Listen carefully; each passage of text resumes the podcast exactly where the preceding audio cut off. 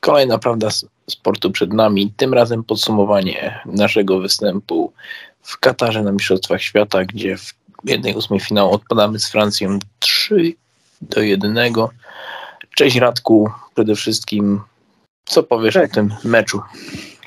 Cześć, cześć. No, po tym meczu jestem zadowolony. Jeśli mam oceniać ten sam mecz, no to myślę, że jak wszyscy polscy kibice oceniam na plus występ naszych piłkarzy, no bo biorąc pod uwagę jakość piłkarzy reprezentacji Francji, no nie mogłem się spodziewać jakiegoś wybitnego meczu naszej reprezentacji, a tym bardziej tego, że my realnie powalczymy o ten awans. A widzieliśmy w dużych fragmentach tego meczu, że my o ten awans walczyliśmy, no i w pierwszej połowie Francja nie miała jakiejś takiej druzgocącej przewagi. Skończyliśmy koniec końców ten mecz nawet z wyższym expected goals niż, niż Francja. Były owszem pojedyncze błędy w defensywie. Przy pierwszej bramce mógł się lepiej zrobić Kiwior, przy drugiej ale też bym za to nie krzyżował naszych stoperów, no bo jeśli grasz do takiego piłkarza jak Kylian Mbappé, po drugiej stronie jest, jest Usman Dembele, ob, obsługuje ich podaniami Adrien Rabiot czy, czy Orielan Chouameni i Antoine Griezmann, no to trudno jest, aby nasza defensywa, a zwłaszcza ze zwrotnością Kamila Glika rozegrała perfekcyjny mecz, a sporymi fragmentami potrafiliśmy sobie stworzyć przewagę, wyszliśmy odważnie, nie, nie przestraszyliśmy się rywala. Ja miałem takie życzenie, żebyśmy zagrali tak jak Australia z Argentyną, bo oglądałem wtedy ten mecz i bardzo mi się zespół australijski podobał, który też grał defensywnie, ale wchodził z kontrami i te kontry były budowane w naprawdę taki ciekawy sposób, zupełnie inny niż te, które Polska budowała w fazie grupowej mistrzostw. No i myślę, że w taki sposób zagraliśmy i taki mecz przekonuje mnie do tego, żeby Czesław Pikniewicz jednak pozostał na tym stanowisku, bo po fazie grupowej miałem mieszane uczucia bo graliśmy jak graliśmy. Cel został spełniony, wyszliśmy z grupy po 36 latach, ale gra no niestety wyglądała słabo, a teraz, a teraz widzimy, że, że potrafimy jednak zagrać inaczej, wyjść odważnie. Mówił o tym Zieliński, Lewandowski i Kamiński, że taka gra sprawia radość, taka gra uwalnia potencjał na tych, na tych, tych piłkarzy. No i myślę, że taką reprezentację też chcą oglądać kibice w eliminacjach do Mistrzostw Świata. Jeśli Czesław Michniewicz ma zostać, no to uważam, że prezes Kulesza powinien mu dać swego rodzaju ultimatum, że zapis w umowie, czyli nie będzie Czesław, Czesław Migniewicz oceniany tylko przez pryzmat wyniku i awansu na, na Mistrzostwa Europy, no bo wiemy, że teraz przy zwiększonej liczbie drużyn łatwo jest się tam zakwalifikować. Ja też oczekuję takiej rozwijającej gry dla naszej reprezentacji. No, yy, widzisz, tak mówimy o piękności, o tym wszystkim. Michniewicz powiedział wcześniej zawodnicy, że a, styl nie jest ważny, ważny jest yy, cel, który to jest zdobycie punktów, strzelanie jednej bramki więcej niż przeciwnik tego awansu. Paręnaście lat temu w Portugalii y, Grecy nic nie grali, nic nie czerali, zostali mistrzami Europy. My też no, nic nie zagraliśmy, a jednak awansowaliśmy, a dopiero w ostatnim meczu jakaś ta reprezentacja no, pokazała jakiś kolek Mogliśmy mieć składne akcje, podania, e, sytuacje pod bramkami. E, tylko to, to nie ma się nijak do tego, co mówi Michniewicz, że jego statystyki nie obchodzą, że zawodnicy, że to będzie brzydki futbol, a nagle jest y, mecz, a potem wychodzą zawodnicy i mówią, że brakuje radości z gry. To coś tutaj nie gra. No też, no też te porównanie z Grecją, jakie widziałem gdzieś tam często na Twitterze, nie do końca mi się podobało, bo Tamta e, Grecja prowadzona przez Otto Rehagela to była drużyna, która bardzo dobrze się broniła, a my gdzieś tam w tej fazie grupowej byliśmy drużyną, która fragmentami potrafiła się dobrze bronić w meczu z Meksykiem. Owszem, nasz przeciwnik miał tylko jedną klarowną sytuację, ale w tych meczach z Arabią czy Argentyną dopuściliśmy naszych rywali do bardzo dużej liczby sytuacji bramkowej. Dobyliśmy współczynnik goli oczekiwanych straconych 7, 11. To jest naprawdę bardzo duża liczba i myślę, że w tej grze defensywnej też można było mieć pewne zastrzeżenia. No myślę, że te wypowiedzi piłkarzy naszych były takie dosyć alarmujące po tym meczu i też one jasno wskazują, czego chcą piłkarze, jak oni chcą grać jak oni uwolnią ten swój potencjał. Ja myślę, że Czesław Michniewicz, kiedy już miał tą świadomość, że cel został osiągnięty, bo trzeba też się wczuć w to, jak, jaką ma rolę Czesław Michniewicz. On po porażce w Legii Warszawa, bo odszedł naprawdę w kiepskim stylu, mimo tych wygranych ze, ze Spartakiem Moskwa, Leicester czy, czy Slawią Praga, no to uważam, że mimo wszystko jakiś tam brud po sobie zostawił. Ja rozumiem, że ta drzyna była wtedy skłócona, że różni gracze robili rzeczy takie, których nie powinni, ale Michniewicz dzisiaj w Ekstraklasie nie ma zbyt dobrej reputacji i on tak naprawdę w tej reprezentacji Polski grał trochę o, o własne życie jako trener, no bo wiemy, że jest trenerem pragmatycznym. Dzisiaj piłka raczej idzie w troszkę innym kierunku, w takim bardziej ofensywnym. Idzie też w polskiej piłce z pokolenie naprawdę zdolnych trenerów typu na przykład Dawid Szulczek, którzy są bardzo mocno oczytali w zagranicznej literaturze, jeżdżą na, na różne staże zagraniczne i widać, że świadomość ich taktyczna jest bardzo wysoka. No i tacy trenerzy jak Czesław Michniewicz będą chcieli się trzymać swoich posad, a tą posadę Czesławowi Michniewiczowi był w stanie zapewnić tylko awans. No, ja jedyne, za co bym miał te zastrzeżenia po tym turnieju do Czesława Michniewicza, no to fakt, że nie zmieniliśmy sposobu gry w trakcie gry z Meksykiem. Ja rozumiem to defensywne podejście, bo Meksyk był takim rywalem, przed którym można było czuć respekt, ale w trakcie meczu uważam, że można było zmienić tą taktykę i jakoś spróbować tego rywala ukąsić, ale to już jest tak naprawdę rozlane mleko.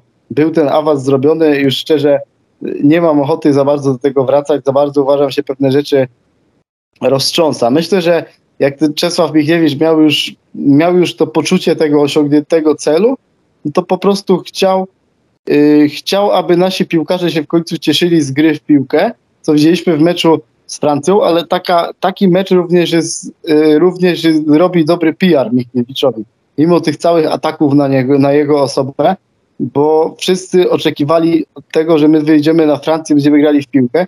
No i tutaj Michniewicz pokazał, że potrafi grać inaczej z tą reprezentacją. No, czyli jak piłkarze chcą tej gry takiej bardziej z piłką przy nodze, no to jednak Michniewicz też w jakiś tam sposób w pewnych momentach jest w stanie to zagwarantować. No zobaczymy, jakie teraz podejmie decyzję Cezary Kulesza, bo widzimy, że na 99,9% nie ma zapisu automatycznego, który automatycznie przedłuża selekcjonerowi umowę, no i zobaczymy, czy, czy prezes Kulesza zdecyduje się, aby kontynuować tę współpracę.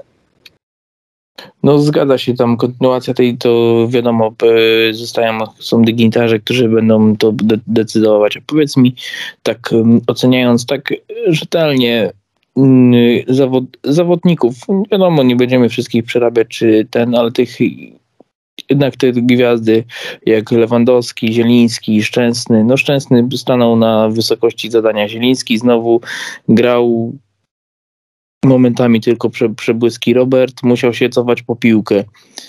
Czy kibice powinni w ogóle na tych zawodnikach takich jak Zieliński i Lewandowski psioczyć w ogóle? Jak to, jak to widzisz? Zieliński to był książkowy piłkarz, tak, książkowy przykład tego, że, że on po prostu musi grać w stylu, który jest do niego stworzony, czyli styl taki, jaki gra SST Napoli, albo żeby chociaż w poszczególnych fazach meczu, żebyśmy tak grali utrzymując się przy piłce, budowali składne akcje, bo tylko wtedy Piotr Gdziejski jest w stanie pokazać pełnię swoich możliwości. Jeśli Piotr Gdziejski jest zmuszony ciągle wracać się pod swoje pole karne, nie może rozgrywać piłki, no to wtedy Piotr Gdziejski nigdy nam się nie będzie w tej reprezentacji podobał. To, jak on wyglądał tych wcześniejszych meczach, determinował styl, w jakim my graliśmy. To nie była taka gra, w której on może rozwinąć swoje skrzydła, a widzieliśmy, że jak z Francją zagraliśmy inaczej, no to ten piłkarz wyglądał zupełnie inaczej. Szczęsny to wiadomo, on nam ten awans wybronił, bez niego w życiu byśmy nie wyszli z tej grupy, stracilibyśmy kilka bramek więcej i, i wyszedłby Meksyk, który notabene w tych dwóch ostatnich meczach z Argentyną czy Arabią wyglądał zdecydowanie lepiej niż, niż Polska. Lewandowski też jest takie psioczenie na niego, głównie za ten wywiad pomeczowy, uważam. Nie zagrał jakiegoś rewelacyjnego turnieju. Po takim piłkarzu możemy spodziewać się więcej. No ale też nie jest tak, że on nic nie dał tej reprezentacji. No miał dwie bramki, miał asystę. Mm, myślę, że w meczu z Francją może mógł bardziej troszeczkę rozwinąć swoje skrzydła, ale też myślę, że Lewandowski jako środkowy napastnik, jeśli nie będzie miał sytuacji, nie będzie miał odpowiednich podań, to sam z niczego rzadko kiedy coś jest w stanie zrobić. Widzieliśmy w meczu ze Szwecją, że był w stanie tak naprawdę sam pociągnąć tą reprezentację, ale dużo byśmy mieli więcej pożytku, gdyby taka nasza największa gwiazda była skrzydłowym, takim szybkim skrzydłowym typu Kylian Mbappé, Neymar, czy nawet Hyun Son z Korei e, Południowej, czy nawet Sherdan Shakiri, który ciągnie też, też Szwajcarię na, na plecach. I, te, I właśnie to, że to jest taki profil piłkarza, determinuje, że oni ciągną tą reprezentację do przodu i wchodzi taki Kamil Grosicki, daje więcej niż Robert Lewandowski, ale to też nie wynika z tego, że Kamil Grosicki jest lepszym piłkarzem, że wkłada więcej serca w, boiskowe poczynania, tak jak niektórzy teraz myślą, tylko po prostu z tego, że jest graczem o innym profilu, no takim, który, który po prostu ma wejść, pokazać tą swoją szybkość, ten dribbling i taką swoją niefrazobliwością zrobić pewną różnicę. Jeśli sobie mamy oceniać różnych piłkarzy, no to myślę, że największym wygranym z zawodników z pola jest Bartosz Bereszyński. No ja widziałem różne takie kompilacje, które miały z niego zrobić totalnego impotenta, kogoś, kto cały czas, przez kogo cały czas głupio tracimy bramki. Widzieliśmy, że Bartek Bereszyński w każdym meczu zagrał wzorowo. No jak widziałem jego przechwyty w każdym z naszych czterech meczów, to naprawdę ręce same składały się do oklasków i patrząc na słabą sytuację w Sampdorii, Bartek pokazał, że pracuje na, na transfer. Był to nasz zdecydowanie najlepszy obrońca. A jeszcze co do tego meczu z Francją, no to też widzieliśmy, jak zupełnie inaczej czuł się na boisku Mati Cash, który też bardzo dobrze sobie radził z Kylianem Mbappé. No i też nam dosyć dużo dał e, z przodu. Ja też bym chciał sobie troszeczkę podsumować tych naszych debiutantów turniejowych, bo trochę ich było. Rozczarował Nikola Zalewski, Natomiast jeśli chodzi o osądy Nikoli Zalewskiego, to nie uderzałbym w te tony, że Nikola Zalewski nie udźwignął mentalnie tego turnieju, że był przestraszony, bo wyszedł na finał Ligi Konferencji y, w Romie. Wiemy, ile to znaczyło dla Romy. Roma nie wygrała kilka lat trofeów, żadnego trofeum, a Nikola Zalewski poradził tam sobie bardzo dobrze. Podobnie w meczach Serie A, wiadomo, tu jest Kylian Mbappé, musisz grać na niego, no to jest inny rodzaj presji. No, kiedy wychodzisz na takiego zawodnika, no, gdzieś tam respekt jest rzeczą naturalną, ale Nikola Zalewski ma gorszy czas w Romie. Ostatnio w Serie A również wygląda zdecydowanie słabiej, ma problem z taką intensywnością biegową i wydaje mi się, że to jest po prostu yy, przyczyną tego jest fakt, ile on ma meczów w nogach w ostatnim czasie, bo teraz sobie możemy powiedzieć, że Jakub Kamiński i Nikola Zalewski są w jednym wieku, ale tak naprawdę Jakub Kamiński jest starszym, nie tyle starszym, co bardziej doświadczonym piłkarzem, bo narzekamy na tą naszą ekstraklasę, ale wbrew pozorom ta nasza liga jest dosyć fizyczna, trzeba tam bardzo dużo biegać. No i myślę, że to doświadczenie takie nawet biegowe, które wyciągnął z naszej ligi, ile ma już meczów rozegranych na piłce, senior, piłce seniorskiej, po prostu zaczęło procentować. Nikola Zalewski jest dopiero na początku swojej kariery seniorskiej i myślę, że jeszcze pociecha z niego w tej reprezentacji będzie. No i tak jak już powiedziałem troszeczkę o Jakubie Kamińskim, no to stwierdzam, że to był nasz najlepszy młody piłkarz na tym turnieju, najlepszy debiutant. Jakub Kamiński w każdym meczu zagrał dobrze. Yy, kiedy wszedł w meczu z Arabią Saudyjską, to Polska zdecydowanie poprawiła swój współczynnik goli oczekiwanych, był blisko asysty, niestety nie udało się wtedy tej akcji wykończyć. W meczu z Meksykiem bardzo dobrze wy, wywiązywał się z zadań defensywnych, grał na dużej intensywności. Wtedy nie mogliśmy atakować, bo mieliśmy zakaz, no to wtedy w ofensywie Kuby nie widzieliśmy, ale wczoraj widzieliśmy, że Teo Hernandez z Milanu miał z nim pewne problemy i patrząc na to, jak ta kariera się rozwija, jakie ma doświadczenie, w jakim gra klubie, bo przebił się do pierwszego składu Wolfsburga, no można mieć nadzieję, że to będzie taki nasz najlepszy skrzydłowy przez, przez długie lata i myślę, że obok Bartka Bereszyńskiego to jest największy wygrany tego, tego turnieju. A jeszcze mamy sobie porozmawiać o przegranych, bo kilku graczy też tak łagodnie mówiąc nie zachwyciło. Dla mnie największym przegranym jest Krystian Bielik, który, który rozegrał naprawdę fatalny turniej. My o tym graczu mówiliśmy, że to jest takie zbawienie naszej pozycji numer 6 i widzieliśmy w nim kogoś, kto będzie takim naszym, nie taką typową szóstką jak Krychowiak w destrukcji, ale też który, też, który dobrze pracuje w odbiorze i w przechwytach, ale też, ale też buduje akcję od tyłu i takiego gracza nam brakowało. Tak widzimy, że Krystian Bielik totalnie się nie wywiązywał z żadnych z tych zadań. I tak jak narzekamy czasem na Krychowiaka, ten Krychowiak przy tym Bieliku naprawdę wyglądał, wyglądał świetnie. Nie, nie, nie grał super turnieju, ale po prostu w porównaniu do Bielika tak wyglądał. A Bielik myślę, że, że ta jego dyspozycja, przyczyną tej jego dyspozycji jest fakt, e, jak często on łapie kontuzję i jak e, i jak często on również gubi rytm meczowy. No, jeśli, jeśli grasz tak mało, no to potem też masz problem, żeby, żeby chwycić te automatyzmy. No i niestety po Krystianie Bieliku było to widać i, i widzę, że na pozycji numer 6 będzie musiał Czesław Michniewicz chyba powoli poszukać jakichś nowych graczy w Ekstraklasie. Dobrze sobie bardzo tam radzi Radek Murawski, ostatnio w Lechu Poznań ma świetny czas. Ben Lederman z Rakowa też również ma bardzo duży potencjał i gdzieś tam w niedalekiej przyszłości bym tych graczy wypróbował.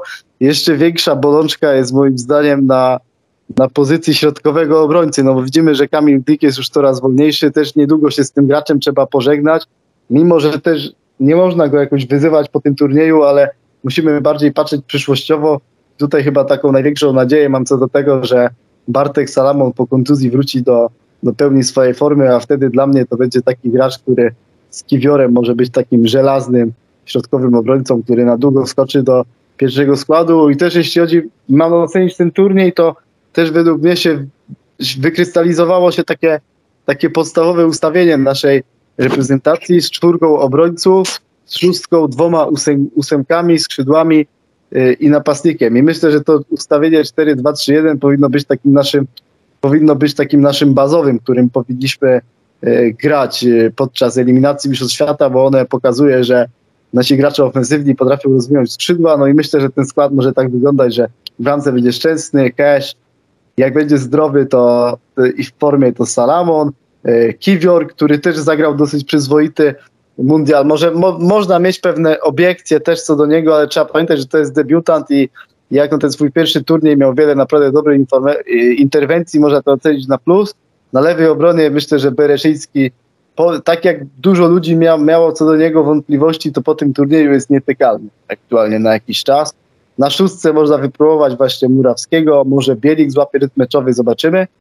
No i myślę, że zbawieniem największym dla naszej kadry byłby powrót Jakuba Modera, bo chwalimy często Sebę Szymańskiego, jak sobie radzi w Peynordzie Rotterdam, pełna zgoda, ale uważam, że Seba Szymański nie, nie zasłużył na, na, na taką nobilitację w reprezentacji Polski. Poza pojedynczymi przebłyskami ja sobie nie przypominam jakichś takich znakomitych meczów w jego wykonaniu. Brakuje takiego Seby Szybańskiego jak w meczu ze Szwecją i w tym meczu z Francją, gdzie mieliśmy więcej piłki przy nodze, też mnie Sebastian jakoś nie zachwycił. Więc ja naprawdę, jeśli chodzi o tą ósemkę, czekam na powrót Kuby Modera, który wraz z Zielińskim powinien stworzyć naprawdę taką bardzo dobrą parę środkowych pomocników, no i skrzydła, to myślę, że na skrzydła będzie grał na pewno Kuwa Kamiński, Drugie skrzydło to jest też taki pewien znak zapytania. Może tam skoczy Skóraś, może Nikola Zalewski. Wiemy, że Kamiński lepiej się czuje schodząc do środka na lewej stronie, ale w Wolfsburgu gra na prawej, więc może w reprezentacji też z konieczności będzie grał po prawej stronie, tak jak teraz to miało miejsce przy okazji tego meczu z, meczu z Francją i oczywiście w ataku Lewandowski, ale to już taka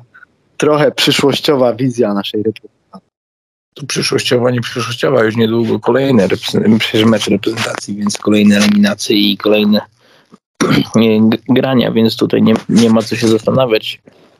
Ja mam tylko, jest, jest, jestem cały czas, mam jedno takie, wszyscy na Piotrku Zielińskim mówią to, mówią tamto, we, z, z Francją zaczął coś tam walczyć, pokazywać, chciał rozgrywać, ale oczywiście Pola, pol, polscy zawodnicy nie nauczeni uciekają od podań, nie miał do kogo zagrać, musiał przeholować tą piłkę przez pół obrony, przez pół boiska wszerz, w ogóle uciekali, żeby mu tylko, jakby mógł zagrać, w ogóle to jakby nie nie może złapać jakiegoś kontaktu z tymi zawodnikami w reprezentacji na boisku. No w meczu z Francją to akurat trochę lepiej wyglądało. Miał problem trochę we współpracy z Krychowiakiem czy Szymańskim, no bo to oni rzeczywiście nie pokazali aż takiego dużego zmysłu do gry kombinacyjnej i tu też się pojawia taki pewien problem, czy my, czy my grając defensywnym bardzo Krychowiakiem na szóstce powinniśmy grać dwoma piłkarzami o takich bardziej ofensywnych inclinacjach jak Zieliński i Szymański, bo dla mnie Zieliński nie jest dziesiątką. Ostatni czas pokazuje również Napoli, że to jest taka typowa ósemka, ale Szymański, ale Szymański w połączeniu z nimi też się tak dobrze nie synchronizuje i myślę, i myślę, że oni by potrzebowali, jak oni występują w dwójkę, to by potrzebowali mieć za sobą takiego registę, jak na przykład w Napoli jest Stan Lobotka, takiego gracza, który reguluje tempo gry, trochę takiego piłkarza zabrakło w naszej reprezentacji, no i myślę, że jakby był ktoś taki, no to byśmy jeszcze bardziej mogli rozwinąć swoje skrzydła, ale na dzień dzisiejszy takiego piłkarza w naszej reprezentacji nie ma. Czasem mi się podobała współpraca Piotrka Zielińskiego z Kubą Kamińskim i myślę, że i myślę, że na tą dwójkę warto zawiesić oko i to jest taka nadzieja na to, że te eliminacje mogą wyglądać całkiem dobrze w naszym wykonaniu. Czyli jest nadzieja. Zobaczymy, czy to będzie z trenerem Michniewiczem, czy z którymś innym, więc miejmy nadzieję, że ten turniej pokazał, że jednak coś możemy, a kibice powinni patrzeć spokojniej i dziennikarze też jakby według mnie powinni trochę e, e, nie robić takiego szumu wokół tej kadry, tego wszystkiego tutaj, czy to Krychowiak, czy to będzie Glik, Zieliński, czy każdy zawodnik, czy to sztab trenerski wymieniany, żeby po prostu poinformować, porozmawiać wszystko, ale nie robić takiej presji. Czas, czy... czas, czas pokaże, wiesz co, no mi się wczoraj na przykład nie podobało to, że po takich wywiadach, jakie dał e, Kuba Kamiński, Piotrek Zieliński, a w szczególności Robert Lewandowski, od razu dziennikarze zbudowali taką narrację, że piłkarze chcą zwolnienia Czesława Michniewicza. Często w artykułach widziałem, że nawet nie było postawionego znaku zapytania, że piłkarze mogą grać przeciwko Michniewiczowi, tylko już była z góry postawiona narracja, że piłkarze chcą zwolnienia Michniewicza. No ja sobie myślę, no troszkę mimo wszystko dochodzi do, do takiego czegoś, że myślę, że za bardzo dziennikarze odpalają swoje analityczne umysły i, i próbują ciągle czytać między wierszami, doszukiwać się drugiego dna, a czasami rzeczywistość jest dużo prostsza niż się może wydawać. Nie wiem na ile to był prawdziwy wpis, ale widziałem, że Krzysiek Stanowski wczoraj pisał, że piłkarze rozmawiali z Czesławem Michniewiczem na kolacji, atmosfera była znakomita.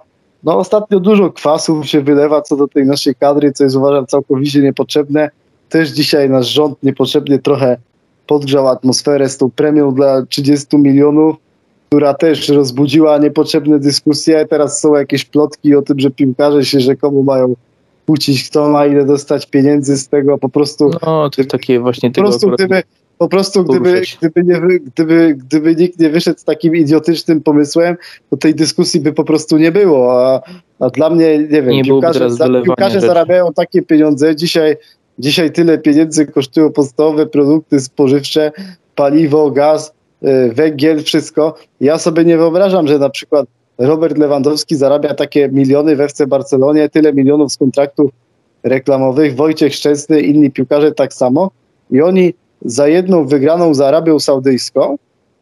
I, yy, i to jeszcze w takim troszeczkę przeciętnym stylu, dosyć słabym meczu z Meksykiem, fatalnym meczu z Argentyną, bo Argentyna, Argentyna to jest totalnie wtedy zdominowała, dużo bardziej niż Francja, mimo że różnica bramek była taka sama, no i dobrym z Francją, no dla mnie, no sorry, no to nie jest coś takiego, żeby drużyna zasłużyła na to, żeby dostać 30 milionów złotych. To już, jeśli faktycznie rząd by chciał jakoś wspomóc polską piłkę tym, y, tym dofinansowaniem za, za wynik na Mistrzostwach Świata, no to takie pieniądze powinny trafić do jakiejś akademii na szkolenie młodych, y, młodych adeptów, czy może na, na, na rozwój rehabilitacji jakichś takich aspektów związanych z tym, żeby po prostu tym młodym piłkarzom w Polsce było lepiej, a nie milionerom, którzy mają rzeczywiście duże pieniądze już na kontach. I takie coś tylko może wywołać niepotrzebne dyskusje społeczne, jakieś konflikty yy, i poszerzać tylko ten kwas wokół kadry, który niestety przy okazji tych mistrzostw i mam wrażenie, że od początku pracy Michniewicz, Czesława Michniewicza z, zrobił się zbyt duży. Czasem narzekamy, że Czesław Michniewicz za ostro odpowiada pewnym dziennikarzom, że tylko gdzieś tam się trzyma ze swoimi zaufanymi, lubi sobie żartować, ale, ale tylko tak, jak on lubi. A ja z drugiej strony czasami się facetowi nie dziwię, no bo jeśli, jeśli tylko pierwszego dnia przychodzisz do reprezentacji, spotykasz się z taką nagonką ze wszystkich stron, teraz osiągasz swoje cele, wychodzisz z grupy, z Francją grasz dobry mecz na Mistrzostwa Świata, a jesteś praktycznie atakowany z każdej strony, no to tak naprawdę komu by nie puściły nerwy w takiej sytuacji?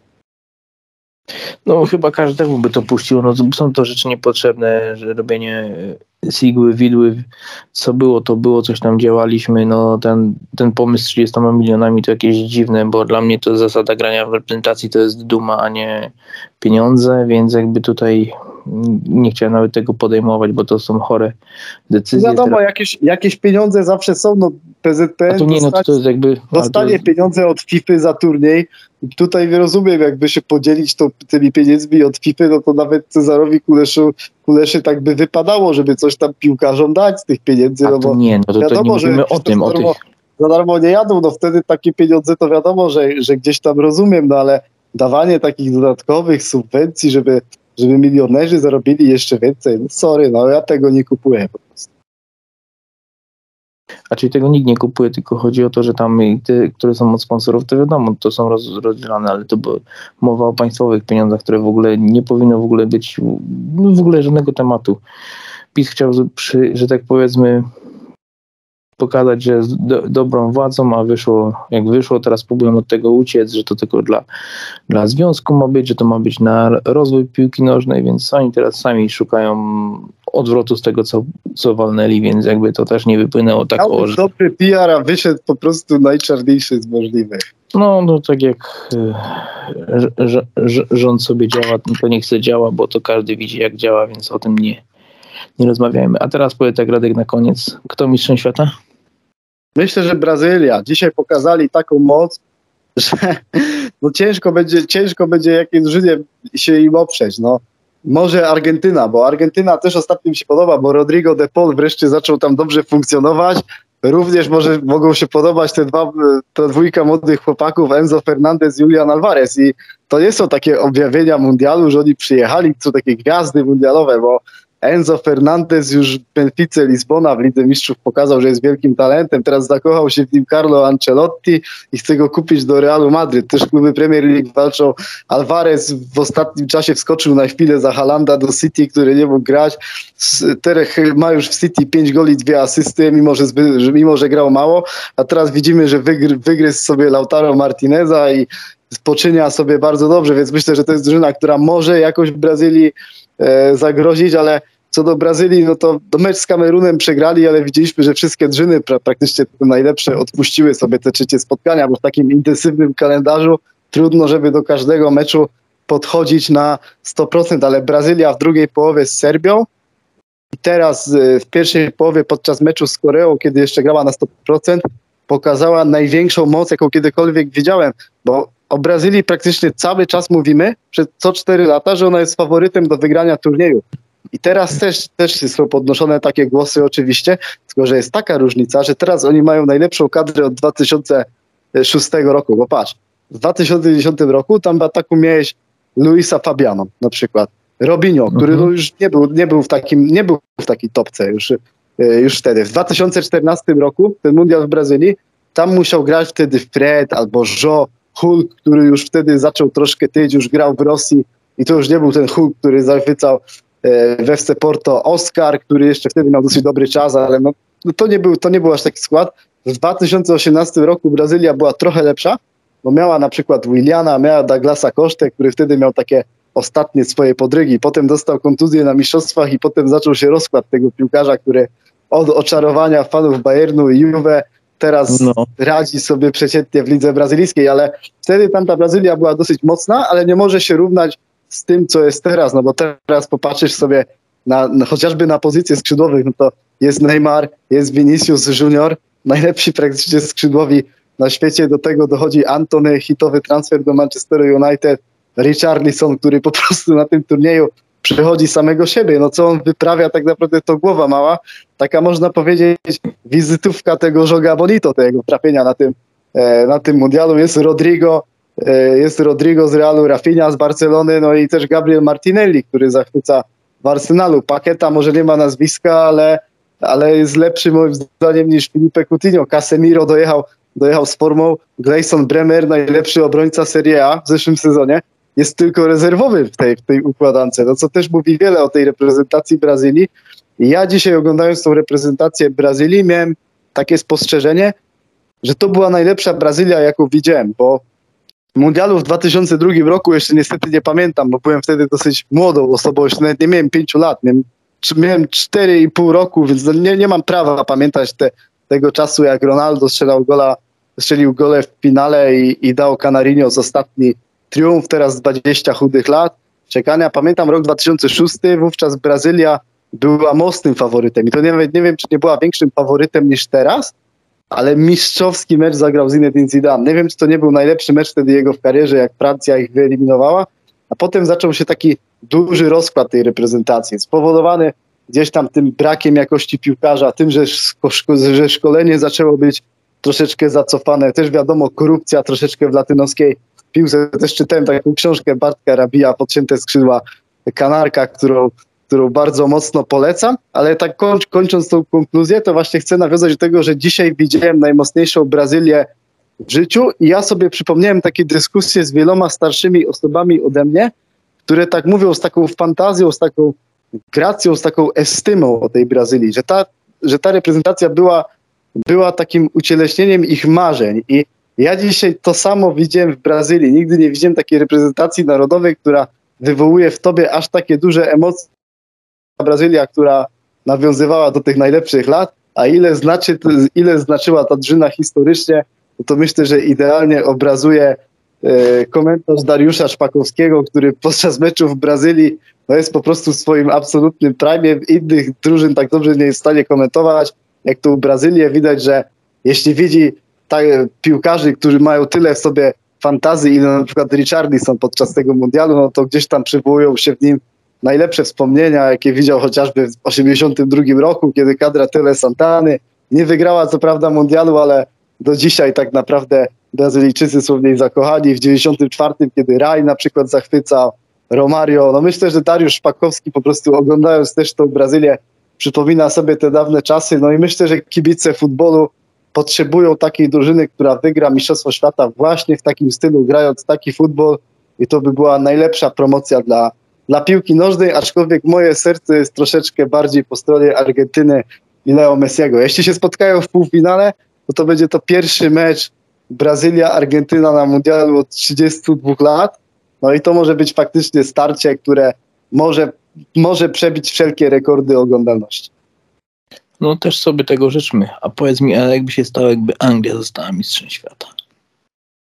No futbol by wreszcie wrócił do domu. Anglia ma najbardziej, Anglia ma najbardziej drogą kadrę na świecie. Sprawdziłem sobie na Transfermarkcie 1,2 miliarda są warci piłkarze angielscy. Gareth Southgate był często krytykowany. Teraz widzimy, że, że ten Gareth Southgate zbudował troszeczkę inny zespół, mimo tego, że Anglia słabo sobie radziła w Lidze Narodów. Przed przed mundialem ludzie byli sceptycznie nastawieni do reprezentacji Anglii, ale w eliminacjach oni mieli najwięcej goli spośród drużyn europejskich. Widzieliśmy, że ostatni mundial był już niezły w ich wykonaniu.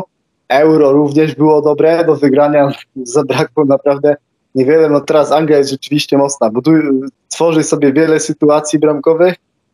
Dobrze się ją ogląda, wzmocnili gracze naprawdę zdolni jak, jak Jude Bellingham chociażby, którego też, którego też jestem sporym fanem, ale mimo wszystko myślę, że Anglia może mieć problemy z Francją. Zobaczymy, jak moje słowa się zestarzeją. E, tak jak w finale będzie Brazylia albo Argentyna, to mam wrażenie, że po tej drugiej stronie drabinki młodość zaskoczy wszystkich i do finału wejdzie Hiszpania Luisa Enrique. Tego gdzieś tam sobie życzę, ale zobaczymy, czy to będzie. No to teraz już staje tylko oglądanie i patrzymy, co no, dalej. Dokładnie, trzeba tylko oglądać i chłonąć te mundialowe emocje. Co lepszego można robić w tym zimowym czasie, kiedy, kiedy jest po prostu tak ponuro za oknem. No można powiedzieć, że ten mundial nam spadł tak samo z nieba, jak ten serial e, Last Dance z Michaelem Jordanem, który również oglądaliśmy zimą jeszcze w czasach pandemicznych. Dokładnie, tak jak mówisz. Dobra, Radku, dzięki Ci bardzo za podsumowanie tego. Spotkamy się po Mistrzostwach Świata, żeby wspomnieć Twoje słowa Brazylia lub Argentyna. Oczywiście jestem chętny na spotkanie i myślę, że usłyszymy się jeszcze w audycji po mundialu. Trzymajcie się, wszystkiego dobrego. Pozdrawiamy i do usłyszenia na kolejnych prawdach sportu.